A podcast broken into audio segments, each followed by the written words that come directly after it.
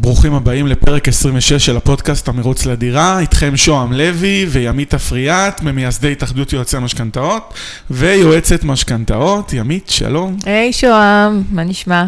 מצוין, היום יש לנו אורחת מאוד מעניינת ופרק סופר סופר מעניין על הנושא של תיווך ואיך למכור את הבית שלך בדרך הכי נכונה והכי חכמה. אני חושבת שהמאזינים שלנו מאוד ישמחו, העוקבים הקבועים אה, אמרו לי, רגע, איך עדיין לא הבאת מתווך נדל"ן? אז, אז הנה. אז היום הבאנו מישהי שהיא מאוד פעילה באזור של ראש העין הדס, נכון? נכון. הדס קפלן. נכון, נכון. כן. בוקר טוב. בוקר אור.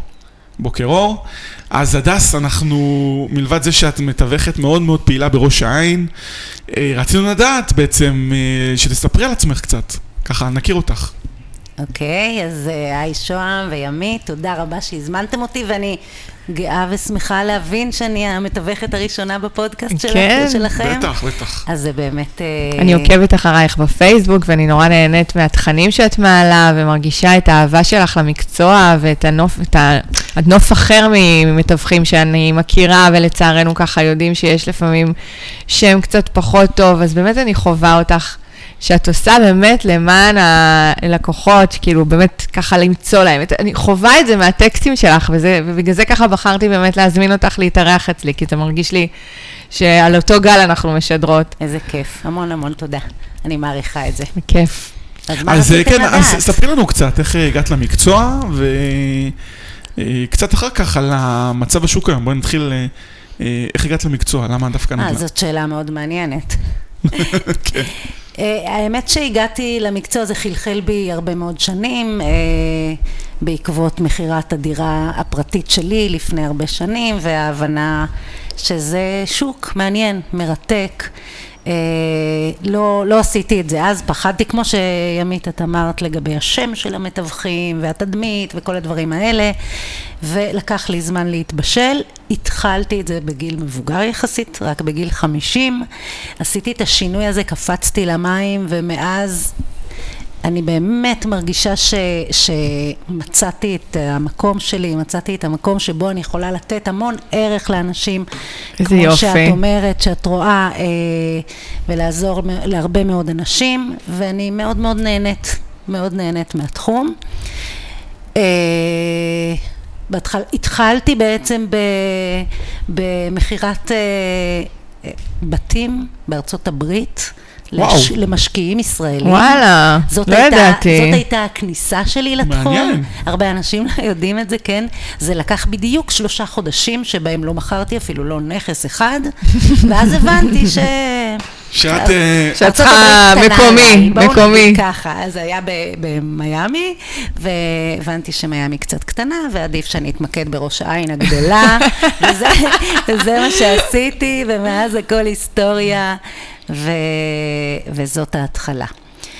אה, שאלת לגבי... כן, מה קורה היום השוק. בשוק? השוק מאוד אה, רותח. אני, אני, אדבר, יש- אני כן. אדבר על השוק של ראש העין, כי זה הבייס שלי וזה המקום שאני יודעת ומכירה. אין בעיה, עיר מרכזית עיר במרכז, עיר שרון, האורות, מרכז מה כן. זאת אומרת? אה, אבל אה, אני, באופן עקרוני... יש שם הרבה מחיר למשתכן, הרבה כן. דירות חדשות. כן, אבל באופן עקרוני, אני, כמו שאני אומרת, אני אדבר על ראש העין, אני חושבת שזה מאוד מאוד דומה היום בכל הארץ, שלא לומר כמעט בכל העולם. אה, המצב הוא שהשוק ממש אה, בסוג של רתיחה. יש ביקוש אדיר, אדיר, לבתים ודירות כמעט מכל סוג. אנשים קונים המון המון בתים ודירות, ו, ויש היצע מאוד נמוך, מה שיוצר, כמו שכולנו יודעים, אה, עליות מחירים. עליות מחירים מטורפות, אבל... מטורפות, אה, לא דבר מוצדקות. מה, העליות הן ממש חודש בחודשו?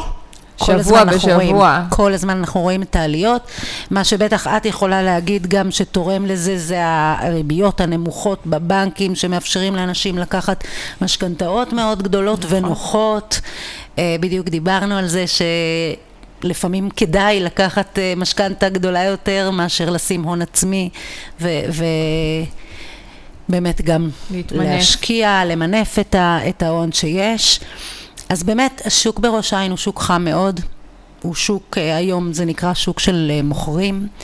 אה, יש ביקוש אדיר והם יכולים, המוכרים באמת מוכרים את הבתים והדירות שלהם במחירים שלא נראו עד כאן. ראש העין פחות או יותר מתחילה ליישר קו עם השכנות שלה מבחינת מחירים. רגע, מה זאת אומרת? תסבירי לנו. פחות? הוד השרון, יותר פתח תקווה, שכונות מסוימות בכפר סבא, אה, מחירים דומים. אנשים מתקשרים אליי מכפר סבא ואומרים, אנחנו מחפשים דירת חמישה חדרים בפסגות אפק לצורך העניין, נגיד השכונה החדשה בראש העין. אני אומרת להם את המחירים, אומרים, רגע, זה, זה כמו כפר סבא, אני אתאמץ בעוד איזה 100, קטע. 150 הם אלף כאילו חשבו שבראש העין הם שקל. ימצאו פתרון קצת יותר זול עבורם, ובעצם הם מבינים שלא, שזה דומה למחירים בעיר שלהם. בדיוק. וזה משהו שאנחנו, אה, באופן עקרוני, עליות המחירים האלה הן לא פשוטות להרבה מאוד אנשים, מצד אחד. מצד שני, אנחנו שמחים על אישור הקו הזה. ראש העין היא עיר אה, טובה, מאוד התפתחה בשנים האחרונות אה, ומאוד גדלה, אה, ועדיין גדלה ומתפתחת. יש בנייה של אלפי יחידות דיור חדשות. אתה שאלת גם על מחיר למשתכן, יש המון, המון. בנייה של מחיר למשתכן. שלהבדיל ממה שאנשים חושבים, אלה דירות מצוינות. נכון, בחלקן יש סטנדרט קצת נמוך יותר. אבל עדיין זה מחיר נמוך מהשוק במאות אלפי שקלים, זה שווה. בדיוק, זה, זה מקפצה מדהימה. בטח. בשביל מי שזה דירה ראשונה שלו, בטח. גם משפרי. הדירות, מינימום הון עצמי. לא, זה אה, מדהים. זה יופי של דבר, זה אחד הדברים שאני אומרת תמיד לזוגות הצעירים שאני פוגשת. קודם כל תירשמו להגרלות האלה, לפני הכל. נכון. זה ממש כסף מתנה.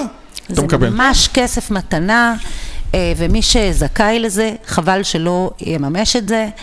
אה, לפעמים לוקח כמה שנים עד שזוכים ב- באמת באיזה הגרלה שרוצ... שרוצים. אפשר לזכות, אה, אתה גר לצורך העניין בכפר סבא וזוכה פתאום באשקלון או בטבריה, אז אולי זה פחות מתאים לך. אז עדיין שווה לעשות את המאמצים ו... כן, שיהיה לך דירה להירשם להשקעה. להגרלות האלה. אחרי חמש שנים תמכור אותה ותתקדם יופי, הלאה. אז המלצה ראשונה, כמעט תמיד כדאי, אם זכית במחיר למשתכן, בהרבה... גם התוכנית הזאת הסתיימה למעשה. אז... היא ממש לא הסתיימה, אה, זה... ממש ממש- לא הסתיימה. לא, אה, אין יותר... לא, כי אין אה, יותר יש- פרויקטים חדשים, הכוונה. יש פרויקטים ויש הגרלות חדשות. יש הרבה הגרלות ופרויקטים, אבל כן. אין יותר, אה, לא, אין יותר מכרזים למחיר למשתכן, זאת אומרת, זה נגמר. אוקיי, אני דווקא קראתי ממש לא מזמן ראיון עם אה, שר השיכון זאב אלקין.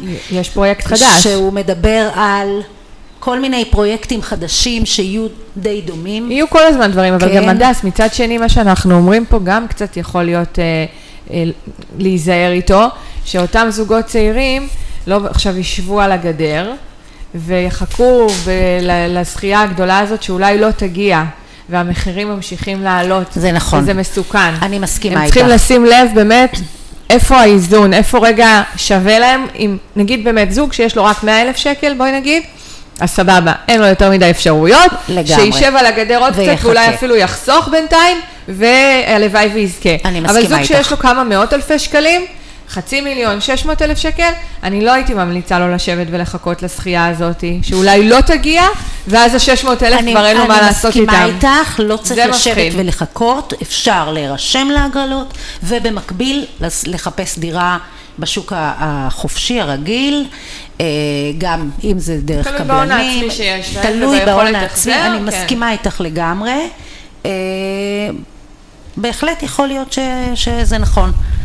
כן. עוד פעם, מי שיש לו סכום יחסית קטן, כ-100 אלף שקלים, שישב ויחכה ויחסוך ויראה איך הוא. גם מגדיל אותו. לגמרי. זה כן, חד משמעית, עדיף לו באמת לחכות לזכייה כזאת, כי זו האפשרות כרגע היחידה שלו לקנות דירה תראי, בארץ. אני לפעמים אומרת לחבר'ה הצעירים האלה, שבאמת יש להם 100 אלף שקל או, או 200 אלף שקל, יש מה שנקרא, איך אמר מאיר אריאל כבר לפני הרבה שנים, בנשל הנחש, העגלה נוסעת אין חזור, ירדת ממנה היום, נכון, עברו שנתיים, נכון, בול. נכון? אה, והמחירים עולים ועולים.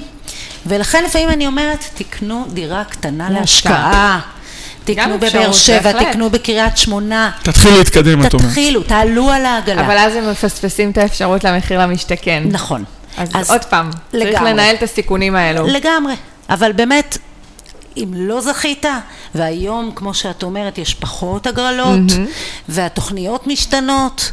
לא לעמוד ולחכות למשיח, אולי ייפול לנו פתאום איזה כסף מהשמיים, תתחילו לגדל את ההון שלכם. את רוצה לצחוק, הדס? להגדיל אותו, כן. אה, כן. מכירה מישהו שזכה במחיר למשתכן בנתניה לאחרונה. התקשרו, נשארו שש דירות, החל מ-2,600. שזה זול לנתניה. מה? זה מחיר למשתכן, הוא בחייאת. אחד הדברים ש... אבל, אבל, אבל זה זול לנתניה, לא? זה- זה- זה- זה 4 זול. מיליון בנתניה, כמה עולה כבר? עוד פעם, אנחנו מדברים על דירת יוקרה, אנחנו לא מדברים פה על דירה למחיר למשתכן, זה בכלל לא צריך להיכנס להגדרה הזאת. לגמרי, לגמרי. כן, אבל אם למישהו יש את המשאבים והוא יכול קצת לגייס למשפחה ולקנות, אבל מה למה זה צריך להיכנס להגדרה של מחיר למשתכן? מי שיש לו את המשאבים, שלא יהיה בכלל בתוך ההגרלה הזאת. מי שיש לו שני מיליון שש מאות, אין לו, בסדר, משכנתה. אבל ש- עדיין, זה לא פייר בעיניי. זה גם החלק, הד- הדברים שאני פחות אהבתי בפרויקט הזה. יש דברים מדהימים בפרויקט, לא אהבתי שדירות יוקרה נכנסו לשם. זה, יש לזה טעם נפגם.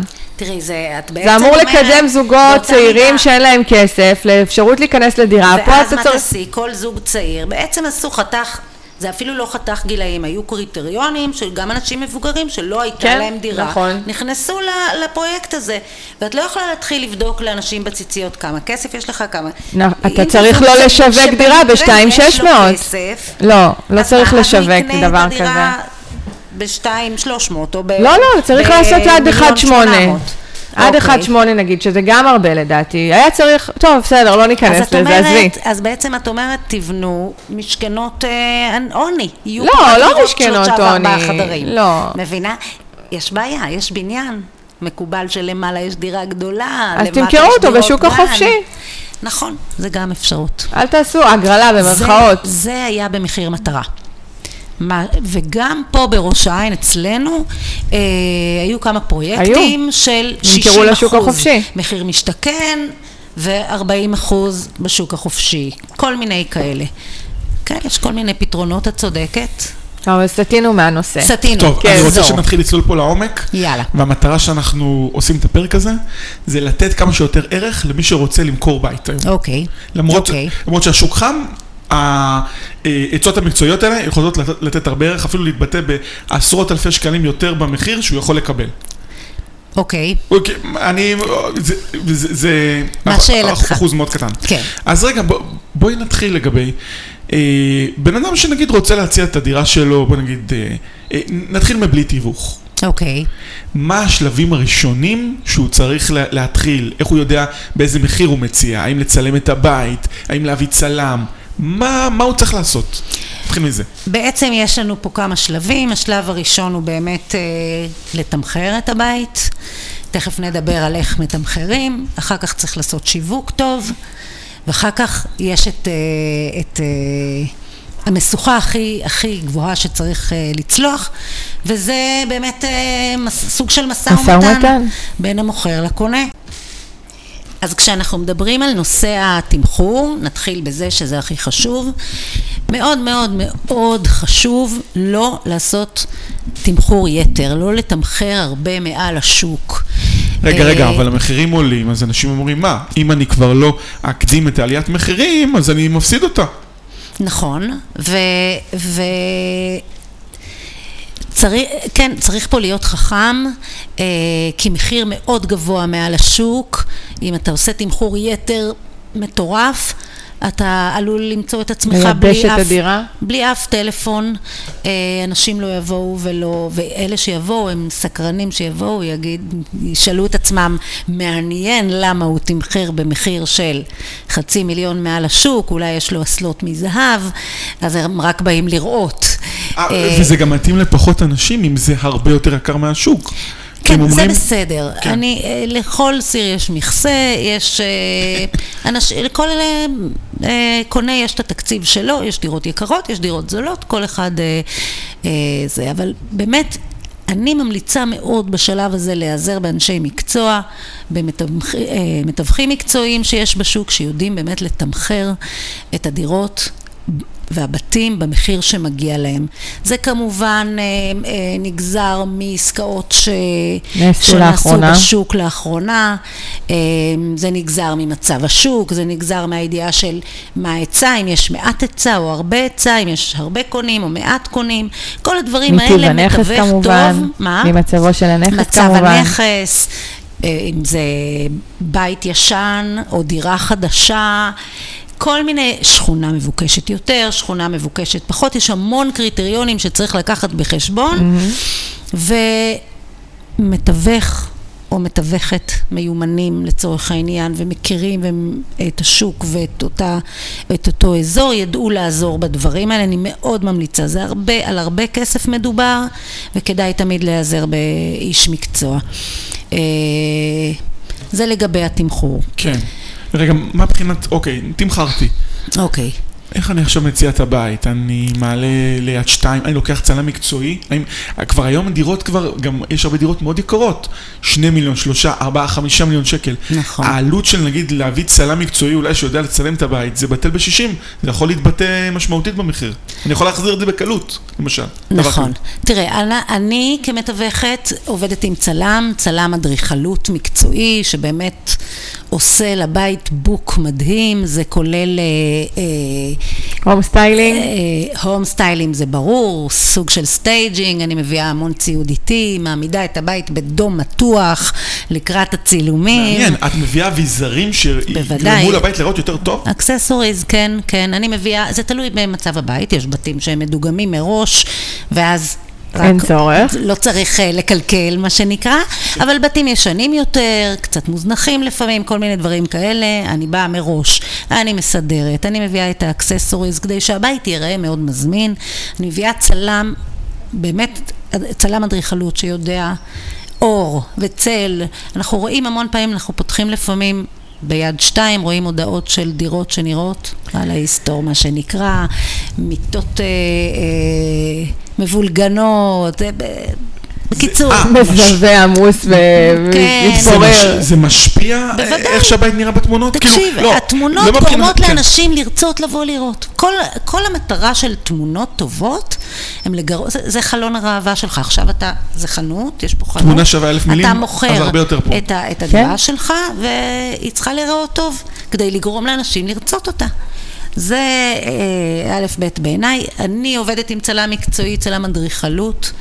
אה, גם, אה, איך קוראים לזה? רחפן, שמראה אה, את מעניין. השכונה, גם סטילס וגם וידאו. באמת אני עושה בוק לכל דירה כזאת. מוכר פרטי לא תמיד חייב לעשות את כל הדברים האלה, אין ספק שזה רק עוזר, אבל זה פחות... גם אנחנו אה, חיים אבל בעולם של שיווק, ברגע שיש לך את הבידול הזה עם הרחפן ועם התמונות והכל, אתה נראה הרבה יותר אטרקטיבי, אתה נראה הרבה יותר...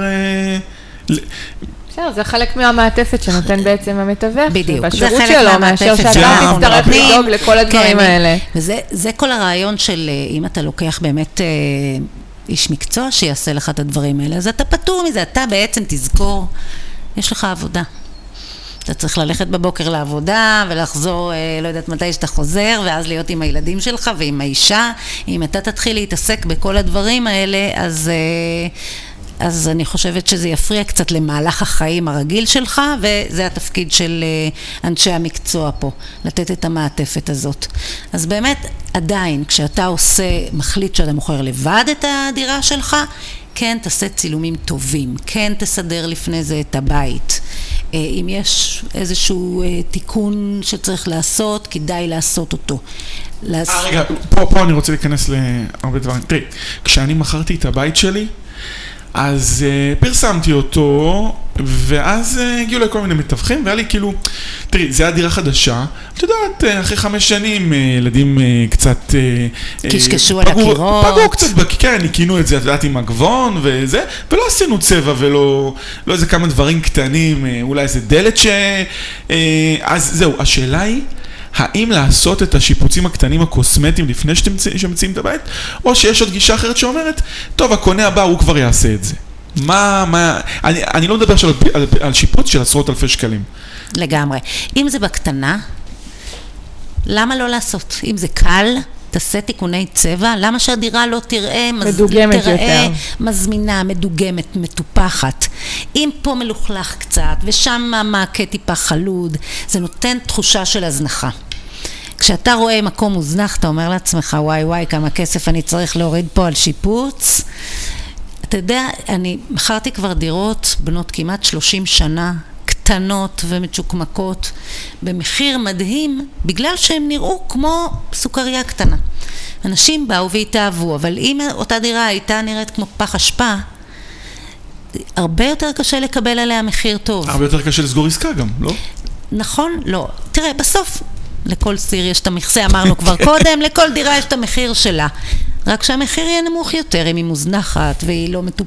לא כן, מטופלת. אנשים עושים את השיקולים, מה הם כן, יצטרכו אני- להשקיע, וכשהדירה מסודרת ויפה, אז אנשים אומרים, טוב, אני מוכן לשלם גם כמה עשרות אלפי שקלים יותר על פני הדירה הלא מסודרת. כן, יכול בשביל פה שאני חוסך להיכנס. לעצמי, אני באה עם המזוודות, ובלי הכאב ראש. אנחנו לא מדברים פה אבל על שיפוץ. יש דירות שבאמת דורשות שיפוץ, תיקונים ופה... קוסמטיים התכוונו. על כן. תיקונים קוסמטיים בהחלט, ולא להסתיר פגמים. חשוב לנו אה, ל- לתת אה, באמת גילוי נאות. גילוי נאות, שקיפות מלאה אחרי זה זה- על מה זה שיש. יעלה יש במשא ומתן, כן? יש פה סדק, לא, זה יעלה מיד. יש פה רטיבות, אנחנו, או שאנחנו מטפלים בה כמו שצריך, צנרת או מה שצריך, ואז עושים צבע וכל מה שצריך, או שאנחנו משאירים אותה ואומרים, יש פה את הרטיבות הזאת. אתה קונה את זה as is. תתמודד, תיקח לי בחשבון. בדיוק. אבל הכל בתום לב. הכל בתום לב ובשקיפות, בלי להסתיר אה, חשוב. אה, דברים. זה מאוד מאוד חשוב, כי הדברים האלה תמיד מתגלים, והם מתגלים בשלבים מאוחרים יותר, והם יוצרים אני מכירה כל מישהי שמכרה. בית, והמתווך אמר לה, אל תגידי על הרטיבות פה. אמר לו, כן. בשום אופן לא. נראה לך שאני אסתיר דבר כזה? נכון. לא, לא צריך, אחר כך, בשלב מתקדם יותר. נו, זה, זה תום לב. זה טעות. ואותה בחורה, היא אמרה לכל אדם שהגיע, ומתגברים על זה. לגמרי. זה טעות גמורה. אה, למשל, אני יכולה לספר לכם שיש בראש העין שכונה, אה, שכונה של בתים אה, פרטיים, אה, נווה אפק לצורך העניין, שכונה מאוד אה, יפה, מבוקשת, ותיקה, ויש שם הרבה מאוד אנשים שסגרו עוד חדר. אה, במקור, כשהשכונה נבנתה בתחילת שנות התשעים, התחיל מלח... התחילה מלחמת המפרץ וה... וניתנה הוראה לבנות ממ"דים. הממ"דים נבנו ממש כמה מטרים מהבית. לא עשו את ה... לא היה חיבור בין הממ"ד לבין הבית. כן. והיום הרבה מאוד מהבתים האלה, מה... רוב, רוב הבתים האלה, חוברו להם יחדיו. אנשים עשו את הסגירה בין הממ"ד לבית. על. על הסגירה הזו צריך, זו, זה סוג של חריגת בנייה, ולהרבה אנשים אין היתרים לא לזה. הכשירו את זה, כן. לא הוכשר. עכשיו זה לא בעיה, עושים את זה. אבל עושים את זה כשמגיעים לרגע המכירה, פתאום אנשים מבינים שצריך לעשות את זה. כי הם שילמו משק... אה, ארנונה כל חייהם על זה, כמובן. ואז להוציא הרבה כסף על ה... לא, זה לא בעיה, העניין הוא שמגיעים אנשים לראות, אז צריך להגיד להם, פה יש חריגת בנייה ופה יש חריגה, ואנחנו מטפלים בהיתרים. זה דבר שצריך להגיד. ברגע שאתה אומר את זה, אנש, הקונים יש מבינים. שיש, שיש פה אמינות, שאנשים אה, ישרים עומדים מולך ולא מישהו שמנסה להח, אה, אה, אה, להסתיר דברים, או לחרטט לך כל מיני דברים. אנשים חשוב. אומרים את הדברים כאשורם, לאשורם, מה זה א' ב' שנקרא. בעיניי, זה לגמרי. לגמרי. כל אני... מי שמתנהל בצורה לא כזו, זה לא, לא בעיניי זה לא נורמטיבי, זה לא הגיוני, זה אני- לא צריך להיות בחברה שלנו. אני מסכימה איתך, לצערי זה קורה. זה קורה, וזה זה עצוב. קורה, נכון. וברוב המקרים מתפוצצות כבר עסקאות כאלה. אה, לא, היום אנשים במודעות, מביאים בדק בית, מביאים שמאות לפני הרכישה, דרך בודקים אגב, את הדברים בדק האלה. בית אה, זה משהו שאני מאוד ממליצה. כל קונה שבא אה, לראות בית כלשהו, לפעמים יש התלבטות וכזה, אני אומרת, חבר'ה, בדק בית עולה. אלף, אלפיים, שלושת אלפים כן, שקל, אלף, כמה אלפיים, עולה? אלף. חמש מאות שקל. אתה קונה פה בית בכמה מיליונים טובים, תשקיע את זה קודם ותוודא שאין לך הפתעות, שהגג לא עומד ליפול, לא יודעת, שהצנרת לא בבעיה. וגם אם כן, זה בסדר, רק תבין מה יש לך ביד, ת, תדע למה אתה נכנס. אוקיי, בואי, בואי נמשיך. אה, עשיתי, את התמו... עשיתי את השיפוץ הקוסמטי, עשיתי את התמונות, עכשיו, איך אני בעצם בתור מוכר מפרסם את הבית שלי בצורה הכי נכונה? אני מעלה קודם כל את המודעה ליד שתיים, אני אומר קודם כל לחברים בפייסבוק, תראו את התמונות, אני מוכר את הבית, ואז כדי לקבל את הסביבה הקרובה, מה יותר נכון לעשות? אין, אין יותר נכון, פחות נכון, אפשר לעשות את הדברים במקביל. אה, זה לא אה, סותר. זה לא יהרוס. זה לא יהרוס, זה לא סותר. ההפך, אפשר לעשות אה, מה שנוח, מה שאתה יותר אוהב. אה, זה, זה לא משנה. שוהם סקרן, לפרסם מחיר או לא לפרסם מחיר? זה... כן. לגמרי לפרסם מחיר. לפרס... גם בפייסבוק. בוודאי. אותי מעצבן מקום. שלא מפרסמים מחיר. אותך מעצבן, כי את רוצה לדעת אם את סתם מתקשרת או. לא. אם, אם אתה רוצה שלושה מיליון שקל על הבית שלך, אז מי שיש לו מיליון וחצי, לא יתקשר כן, אליך. אבל בפייסבוק... אז מה הטעם? גם עושים את- אתה... שנייה, בפייסבוק עושים את זה כטריק, זה שאנשים יכתבו אה, תגובות לפוסט, כן. הוא יעלה מחיר, למעלה, מחיר, מחיר. ואז הם אומרים, וואי, זה מה זה סביב הדירה הזאת, אני חייב אותה. זה הסיבה שהם נו, אז. אני לא אוהבת את זה. אני חושבת שזה טעות. אה, אין שום סיבה לא לפרסם מחיר. הבאז הזה, מה זה יעזור? אז כל האלה ש, שאין להם אה, את הכסף המתאים, או שהדירה לא... סתם הם, הם אלה שמקפיצים, מה, איך זה יעזור למישהו? אה, וגם עוד סיבה. אני מבחינתי, הדס, אם כתבתי לך במסנג'ר, מה המחיר בבקשה, ואני, בזבוז זמן. כאילו, לגמרי. למה אני צריכה לבזבז את הזמן לגמרי. שלי? גם תחשוב עליך כמוכר, אוקיי? עכשיו אתה צריך לשבת, וכל האלה שכתבו לך מחיר מחיר, להשיב להם. ואז הם יכתבו לך, לא אה, זה לא מבינה את בתקציב שלי. התופעה הזאת. כן. למה זה טוב? כן. מה, את מי זה משרת? אני באמת לא אין חושבת איזה שה... כנסים של אה, מתווכי נדל"ן שעומד שם איזה איש שיווק ואומר לעשות את זה, ובגלל זה כולם עושים? אה, לא. אני לא חשבתי איזה תופעת עדר. כזו. אני, אה, האמת שאני חושבת שזה נובע מזה שבאמת הרבה הם, חוש... הם, אנשים מתמחרים את המחיר, את הבית במחיר מאוד גבוה מעל מחיר השוק, וזה מה שנקרא שיטת הם מצליח. מפחדים שיצלבו אותם? עכשיו, יכול להיות, אבל הם מפחדים, כן, הם מפחדים מפחדים לשים את המחיר. כן. אה, שאז יגידו לו, מה, אתה השתגעת? כן, בפייסבוק, עלו ככה בשכונה שלך?" בתגובות. כן. אני רואה את זה גם לפעמים. אני רואה. שמישהו מפרסם בית. בסכום גבוה, וכותבים לו. מה זה המחיר הזה? השתגעת לגמרי. אתם סתם אה, זה, כל מיני, אז כנראה אולי מפחדים מזה. בסדר, אם אתה מפחד, תתמודד. אז, אז שב בבית ותסתגר בדלת אמותיך. אם המוצר שלך שווה, בדיוק, אם אז אתה זה המחיר מאמין שלו. במחיר, אז, אז לך על זה, מה אתה, מה אתה מסתיר?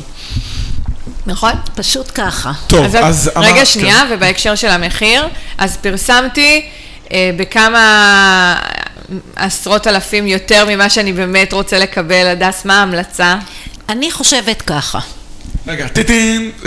כן, אה? טינג טינג טינג. אה, אני חושבת שלא כדאי, החלטנו שאנחנו רוצים על הדירה שלנו 2,800, אוקיי? דיברנו כן. קודם על מחיר אה, של דירות של, בנתניה כזה.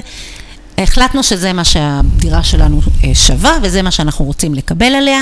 לא נתמחר בהרבה מעבר לזה, אין צורך. זה מה שנקרא לעמוד עם הרגל בדלת, אה, וזה המחיר שאני רוצה.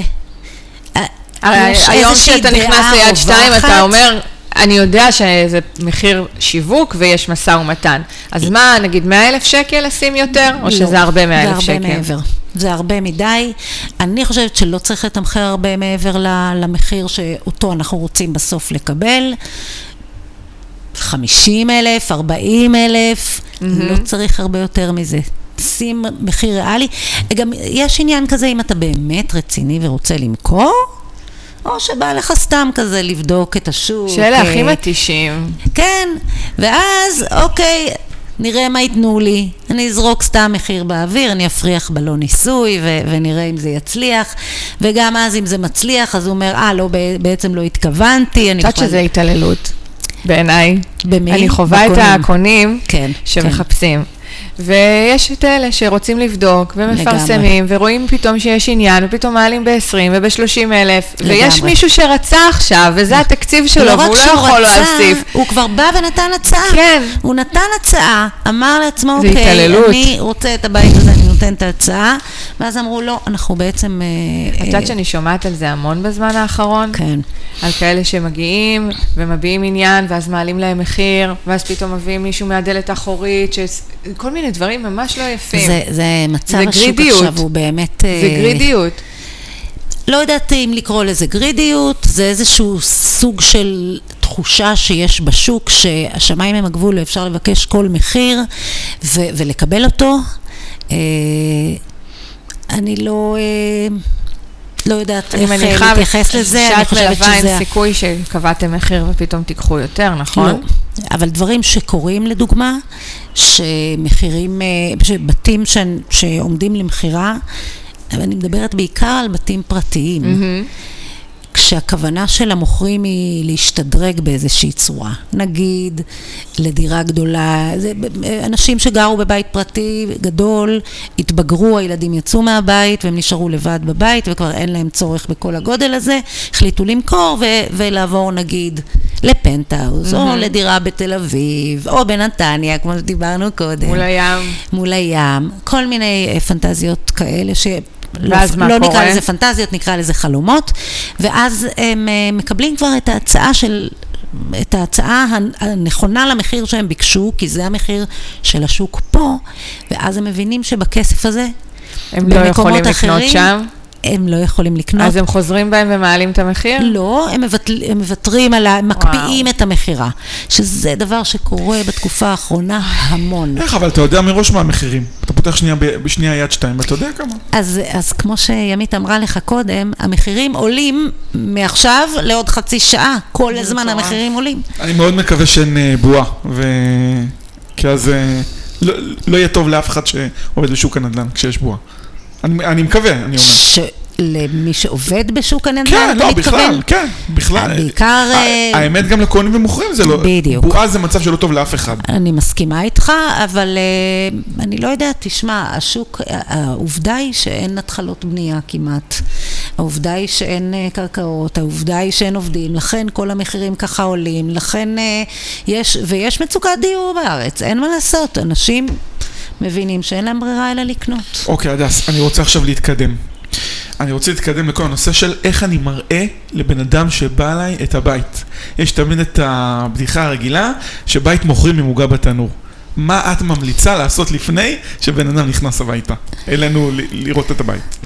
קודם כל, כמו שאמרתי קודם, כשאנחנו מצלמים, מצלמים את הבית, אנחנו מעמידים אותו בדום מתוח, אבל אחר כך אפשר להירגע, ממשיכים לחיות בבית, אנחנו רוצים לתת לקונה שנכנס תחושה שזה בית. של חיות. של חיים, אנשים חיים פה, לא מוזיאון. מקום שיש בו משפחה, וזה לא מוזיאון, אה, זה, זה נחמד. זה אחד. דבר שני, אנחנו פשוט נחמדים אליהם. הם נכנסים, אפשר לנהל איזושהי שיחה, לעשות היכרות. סמולטוק כזה ולא ישר... כן, זה- אהלן, זה המקרר. נעים מאוד, זה- אני הדס, ברוכים הבאים. מי את- באמת לעשות סוג של היכרות. אני, כשאני מביאה קונים לבתים שאני מוכרת, אני תמיד עושה היכרות בין המוכרים לקונים. יכול להיות שהם ילחצו יד בקרוב, זה תמיד חשוב, עושה ברור. היכרות, ו- ושיח טוב בין, כימיה טובה, מקדמת עסקה. אין שאלה תמיד בכלל. מה לזכור את שנקרא. מקרב. אתם אנשי המכירות, אם כן. אתם מוכרים את הבית שלכם, אתם אנשי מכירות. לגמרי, ממש ככה, ממש ממש ככה, תהיו נחמדים אליהם. תחשבו שהם נכנסו לחנות שלכם.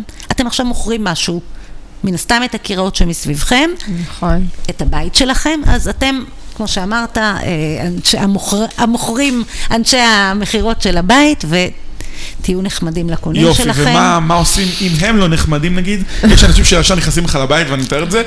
כי כן, אני חושב שפה צריך לעשות צבע, ופה, כאילו הם ישר כבר נכנסים איתך למשא ומתן, איך להוריד לך את המחיר אין של הבית. מה. אה, מה? לא, הוא נשמע נעלב.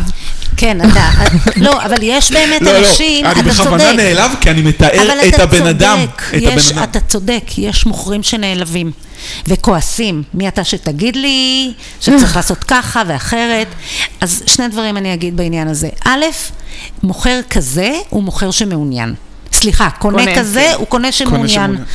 יש את אלה שנכנסים עם חיוך, איזה יופי, איזה יופי, שותקים והולכים וככה ואתה הם לא יודע הולכים, כן. לא תשמע ממנה- מהם שוב כאילו פעם. התחיל- התחיל משא ומתן, זה- אני מרוצה? התחיל, כאילו, התחיל משא ומתן. מעניין. ש- זה מעניין אותי מה שקורה פה. אני רואה את הפוטנציאל. אחרת לא אכפת לו. אני רואה את עצמי גר פה. אחרת לא אכפת לו, בדיוק ככה. אם הוא נחמד, שמח, הרבה אנשים לא מבינים את וזה. הנקודה הזאת. וזו נקודה מאוד חשובה. אני, יש לי דף של טיפים, אחד מהם אומר, כן. קונה שעושה פרצופים, הוא קונה שמעוניין בבית שלכם. או, אז זה אחד. דבר אז שני, אז לגבי... גם ה- הבעות פנים, לא רק אה, מסרים. לגמרי. כן. ולגבי ה... אה, אה, כן, כן, לגבי הבן אדם שבא אה, ל- ל- לראות את הבית ושואל... עשית צבע פה, יש זה, כל ה- מה שאני הנעלבי מנסה הזה. להגיד לגבי הנעלבי הזה, האגו הזה. כן, אה, כן, אה, כשאתה נעלב על כל מיני שאלות. ולמה אז, זה אז ככה, מה ו- שאני כן. חושבת זה כזה דבר. אתם מוכרים את הבית שלכם? אתם כבר לא רוצים אותו. אין פה מקום לאגו. מה אכפת לך מה הוא אומר? אוי, האגו הזה. האגו הזה, שים אותו בארון. אתה לא רוצה את הבית. זה כמו אותו בן אדם שמתגרש מאשתו ואחר כך כועס על, ה, על הבני זוג החדשים שלה. אבל הוא כבר לא רוצה אותה, מה אכפת? תפרגן, ההפך, נכון או לא? אתה צודק, צריך פה צבע, תגיד לו, בדיוק, נכון, מה אתה קרה? צודק, אני התכוונתי לעשות ולא הגעתי לזה. אבל נכון. אתה תעשה וזה יהיה מדהים. אתה צודק, אה, הפרקט גמור, כדאי להחליף אותו, אני מסכים איתך. אל תיעלבו, ההפך. תפרגנו, זה, זה כבר מבחינתכם לא הבית שלכם, אתם צריכים כבר בראש לחשוב על הבית הבא. אוקיי, אוקיי, אז אה, בסדר, הבן אדם עכשיו יצא מהבית שלי. אוקיי? ו... יש איזה משפט סגירה ככה? כן. רגע, רגע, רגע, שנייה. יש אה, רגע לפני שהוא. יוצא. לפני שהוא יוצא מהדלת, כן. לפני שהוא יוצא. אני. אומרת כזה דבר, יש חמש מילים שכדאי להגיד לכל קונה כשהוא הולך מהבית. כן, כן, ת- מה שנקרא, תודה שבאתם לזה, זה, זה, זה, ואני אשמח לקבל ממך הצעת מחיר. אה, לקרוא לסגירה, תמיד. תמיד. לא לתת, שהם לא יצאו מהבית לפני שאמרת להם, היה נחמד איתכם והכל, ונשמח לקבל מכם הצעת מחיר. רגע, אבל השאלה אם זה לא מוריד אותי... לאן?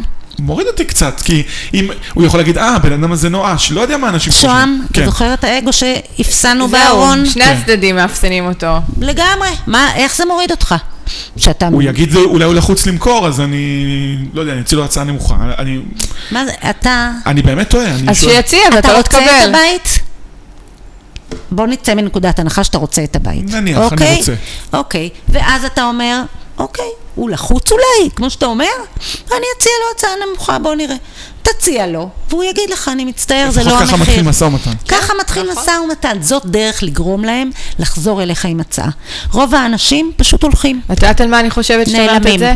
שנגיד וכל אחד אמר קיבל את המשפט הזה, ואותו אדם קיבל הצעות, וגם הוא יכול לקבל איזושהי תמונה, שרגע, אולי המחיר שאני מבקש הוא באמת הוא גבוה, גבוה מדי. ואם קיבלתי משניים, שלושה, ארבעה אנשים הצעה נמוכה בכמה עשרות אחוזים, אז אולי אני... לגמרי. צריך לחשב מסלול מחדש. ויכול להיות שהוא, אה, מאחד מהם יקבל הצעה קצת יותר גבוהה, והוא יחזור אליו ויגיד לו, תשמע, תודה על ההצעה שלך, היא באמת הייתה יופי של הצעה, אבל אני, היא לא מספיק גבוהה, ואני אשמח אם תתקדם למחיר שלי. הוא מתחיל איתו נכון. משא ומתן. אני לא זה חושבת שהמשפט הזה. מציג. זה משפט אין בעיה, מצוין. אני, במ- אני ממש כאילו שואל מהנקודת מבט של... כן. אני לא מתווך נדל"ן, זה לא המקצוע שלי. מה נכון לעשות בשוק הזה? אני באמת שואל... זה באמת נכון זה לעשות עצות את זה. חשובות מאוד, מה שאנחנו מעניקים פה היום. כן. יופי, עכשיו עוד אה, דילמה שקורית הרבה פעמים, היה מישהו, ראיתי שהוא מעוניין, הוא שאל והכל, יצא מהבית שלי אחרי ארבעה חמישה ימים, אין טלפון, הוא לא מתקשר ולא מתעניין. האם אני בתור מוכר צריך להתקשר אליו? תראה, אה, זאת שאלה טובה, קודם כל, בדרך כלל אין לך את הטלפון שלו, אתה לא לקחת אותו קודם. לא, אבל הוא, הוא התקשר אליהם בשביל לקבוע איתי. אוקיי, אז שמרת יש- את המספרים של כל מי אה, שהתקשר לקבוע עוד איתך? עניין, ל- ל- לשמור או לא לשמור גם? לשמור, זו שאלה לשמור. טובה, לא, השאלה כמה? אם יש לך מבול של טלפונים, תתחיל לשמור את כולם? מי שהיה בבית, לא? אני לא יודעת. אה, זו שאלה טובה. אני חושבת שאתה, ב- בחמש מילים האלה שתגיד, נשמח לקבל מכם הצעת מחיר, אתה בעצם אומר לא, תחזור אליי עם זה, ואם הוא לא חזר, סימן הוא לא שהוא מעוניין. לא מעוניין. כן. לא, זו, אבל... זאת התחושה שלי. אז זאת אומרת, את חושבת שלא להתקשר. אבל השאלה אני היא לא כזאת... אומרת שלא להתקשר, אתה יכול להיות יותר, אם אתה בן אדם יוזם כזה, ו- ובאמת אתה רוצה לעבוד בזה, כי זה חתיכת עבודה. אני כמובן כמתווכת חוזרת לכל מי אה, שהיה זה נקודה יפה. בדירה. אז עכשיו יש לנו את ההבדל אני כמובן בין מתווך- מנהלת כן. מאגרי נתונים של כל הלקוחות שלי, של הקונים שלי. אני שואלת אותם, מה חשבת? כמובן שאני שואלת אותם מיד כשיצאנו מהדירה, אבל אז אני נותנת להם יום-יומיים. להקל, לחשוב, יש כאלה שכשיצאנו אמרו לי עזבי זה לא בשבילנו, זה לא מתאים, הוא גם אה, מגזים עם המחיר. יופי, ואז יופי. יום יומיים אחר כך אני מתקשרת ואני אומרת מה את אומרת? חשבת על זה עוד קצת? אז היא אומרת לי כן וגם בדקתי עם ההורים והם ייתנו לי עוד קצת ו- ו- וכן אני חושבת שאולי כן אני רוצה לתת הצעה דברים משתנים לפעמים. יופי. אז אני כמתווכת. מנהלת את ה- את הקשר עם את הקונים. כמתווכת תמשיכי להיות איתם בקשר עם מי שהיה, ואת תדעי באמת גם מה הוא לא אהב בדירה, בדיוק. שהוא לא תמיד יגיד את זה למוכר.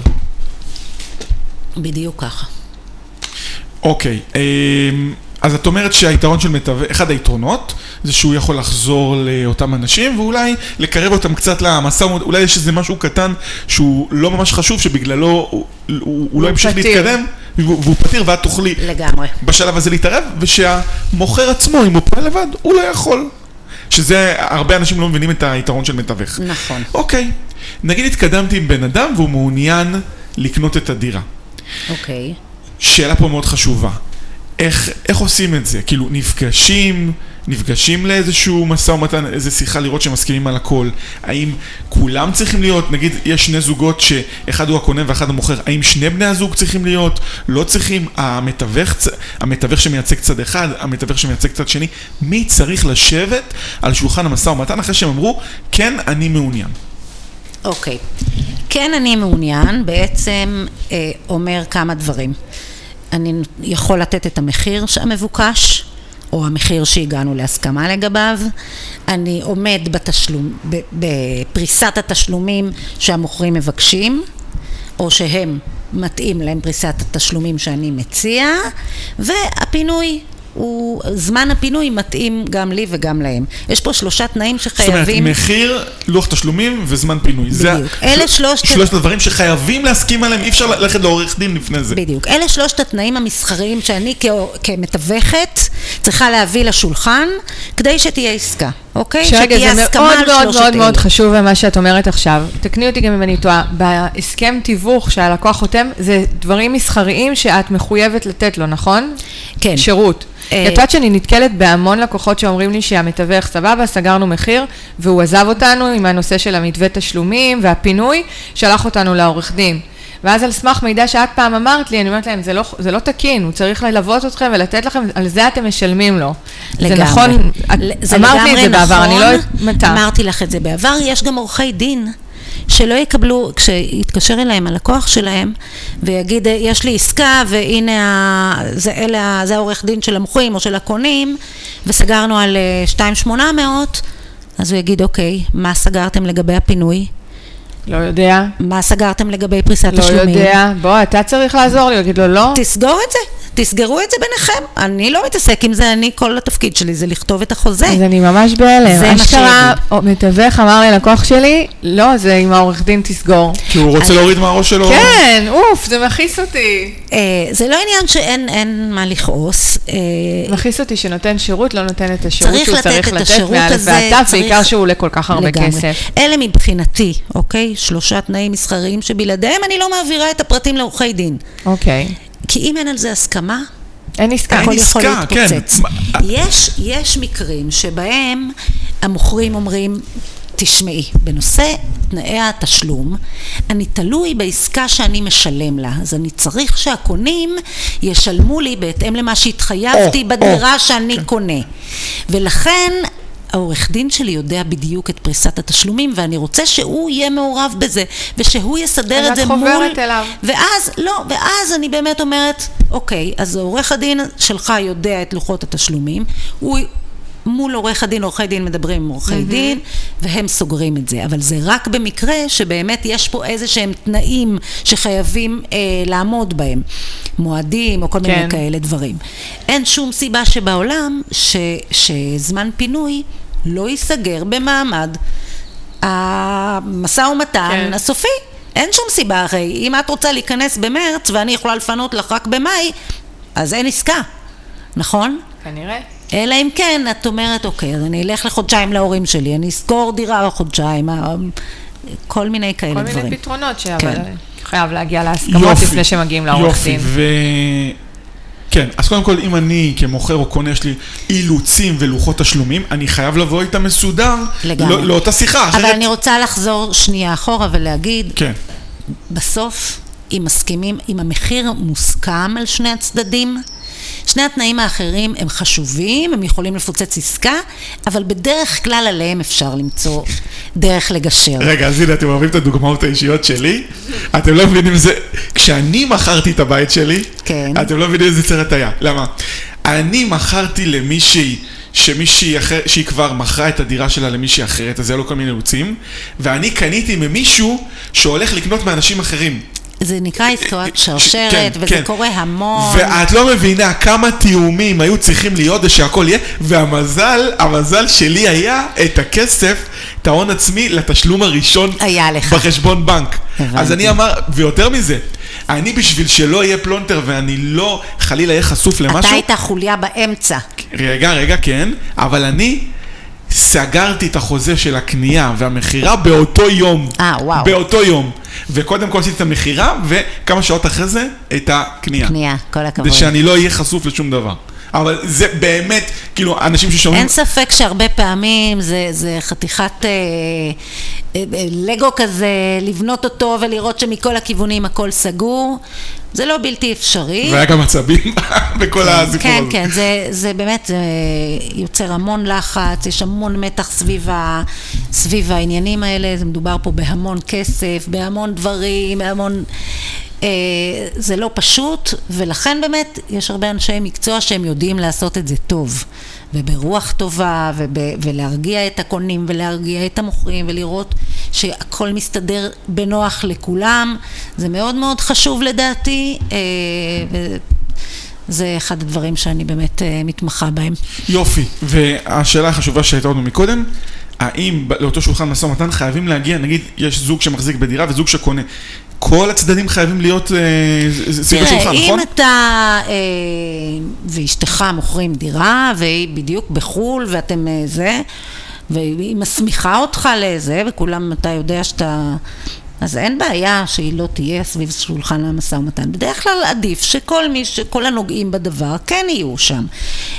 דרך אגב, כשיש תיווך באמצע, כן.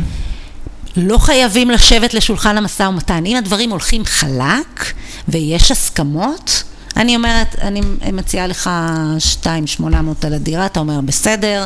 אני כבר אומר, אתה אומר. אני צריך פינוי ביולי, אני אומרת לך מתאים לי, ואז אתה אומר אני צריך את התשלומים ככה, אני אומרת אין בעיה, אני יכולה. לא חייבים אפילו לשבת יחד. אני תמיד אומרת למוכרים שלי ולקונים, אתם לא מתחתנים איתם.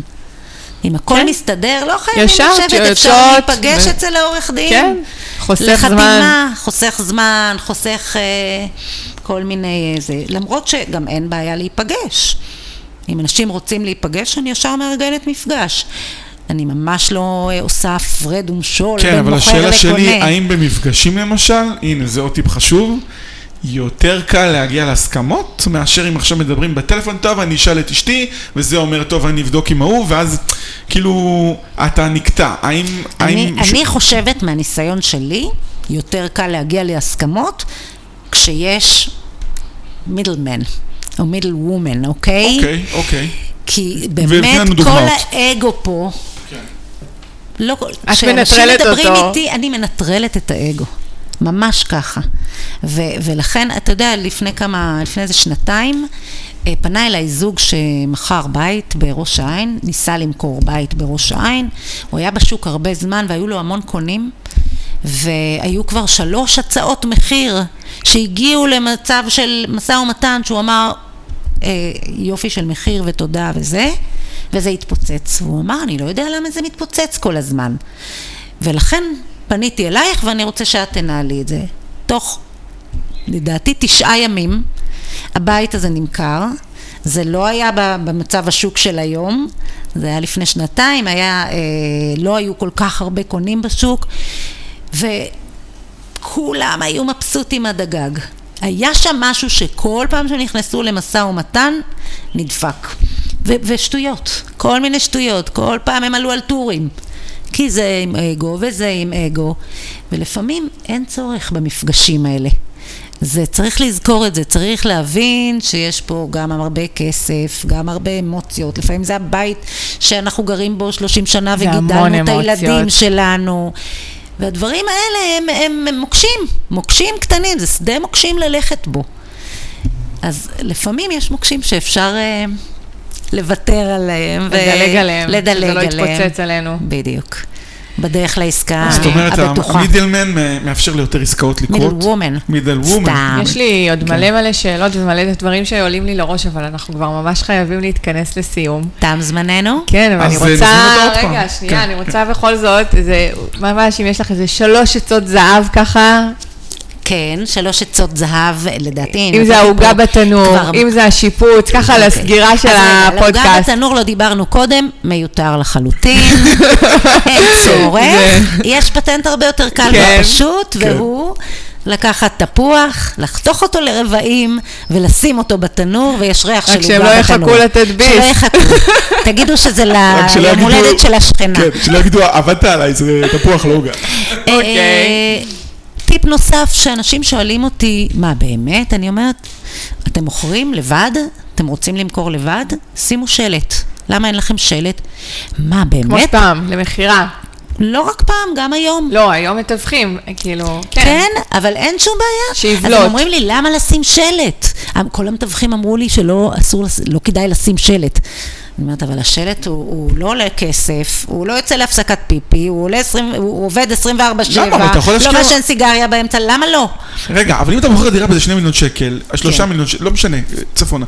מה, להשקיע 400 שקל אפילו בשלט של, של בית דפוס שנראה טוב? למה לא? כן, היא לא אמרה למה לא, היא אמרה לעשות. כן. ההפך, אני אומרת, לא. שימו שלט. לא, ברור, אני אומר כאילו, את אומרת לא עולה כסף.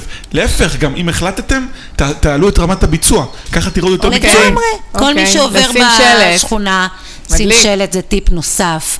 טיפ אה, שאמרתי לכם קודם למוכרים, שזה טיפ הזהב לדעתי, תמיד לבקש כשנפרדים, להגיד נשמח מחיר." לקבל מכם הצעת מחיר. וככה תעלו את אחוז הסגירה. לגמרי, אה, וטיפ אחד קטן אולי לקונים דווקא, אל תשללו על הסף שום דבר. אתם מחפשים משהו בשוק אני שיש... חייבת לתת דוגמה.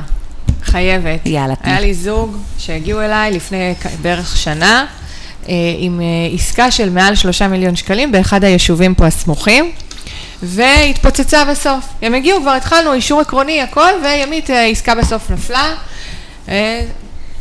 נרדמו, לא שומעת מהם, וכל הזמן הם בראש שלי. מה עם מה הזוג קורה הזה? מה עם מה הזוג? קורה איך איתם? הם לא קונים? ואני רואה את המחירים עולים, ואני אומרת, מה יקרה? יש להם סכום כסף מסוים, הון עצמי, הם יישארו מאחור. הרמתי אליו טלפון, אמרתי לו, תקשיב, המצב לא טוב, המחירים לא מפסיקים לעלות, בסוף לא יהיה לכם מה לקנות. תתפשרו. אל תגידו בלי מדרגות, אל תגידו קומפלט, תתפשרו על דברים שחשבתם שאתם לא מוכנים להתפשר עליהם ותעשו עסקה. אמר לי, תודה על השיחה, ואחרי שבועיים הם קנו משהו אחר לחלוטין, בשתיים ומשהו מיליון, תביני שזה היה שלוש ומשהו, התפשרו על דברים שהם חשבו שהם לא, והם מבסוטים ומאושרים, והם אחרי, ו... נהדר. והכסף לא נשחק, וזה נהדר, פשוט... נהדר, זאת עצת זהב שנתת לו, אבל אני דווקא דיברתי על משהו אחר, זה לא רק העניין של התפשרות או לא התפשרות, פשוט אני אומרת, לכו לראות דברים, אל, ת, אל תפסלו על הסף דברים לפני שראיתם, כי לפעמים מה שכתוב במודעה ומה שרואים בתמונות, זה לא מה שבאמת קורה, ואולי תגלו פוטנציאל. זה וואו, איזה... לא שאני כל כך בעניין הזה, אבל איזה אנרגיות טובות. יש, יש אנשים שקונים בית לפי אנרגיות. כל מיני דברים שאתם באים ופתאום מרגישים בבית ואומרים לעצמכם, זה לא באמת מה שחיפשנו, אבל זה כל כך מתאים לנו. אז אה, חשוב. לא... לא להיות מקובעים. לא להיות מקובעים, לגמרי. בטח. לא בעולם המחירים ה- הבלתי נתפס הזה שעולים כל הזמן. באמת, כמו שאת אומרת, צריך, וכמו שאני אמרתי, צריך לעלות על העגלה. לגמרי. בזמן. טוב, הדס, מדהים, היה פרק ממש מעניין. תודה רבה. נתת פה הרבה מאוד דרך, ולדעתי אנחנו נזמין אותך לעוד פרק ב... באחד החודשים הקרובים. בשמחה, אני אשמח מאוד מאוד. וימית, תודה רבה פה על כל שוהם. התובנות והתוספות שלך, ונתראה בפרק הבא, הדס קפלן, מתווכת. בשמחה. תודה. תודה לשניכם. תודה רבה. להתראות. ביי, להתראות. ביי ביי.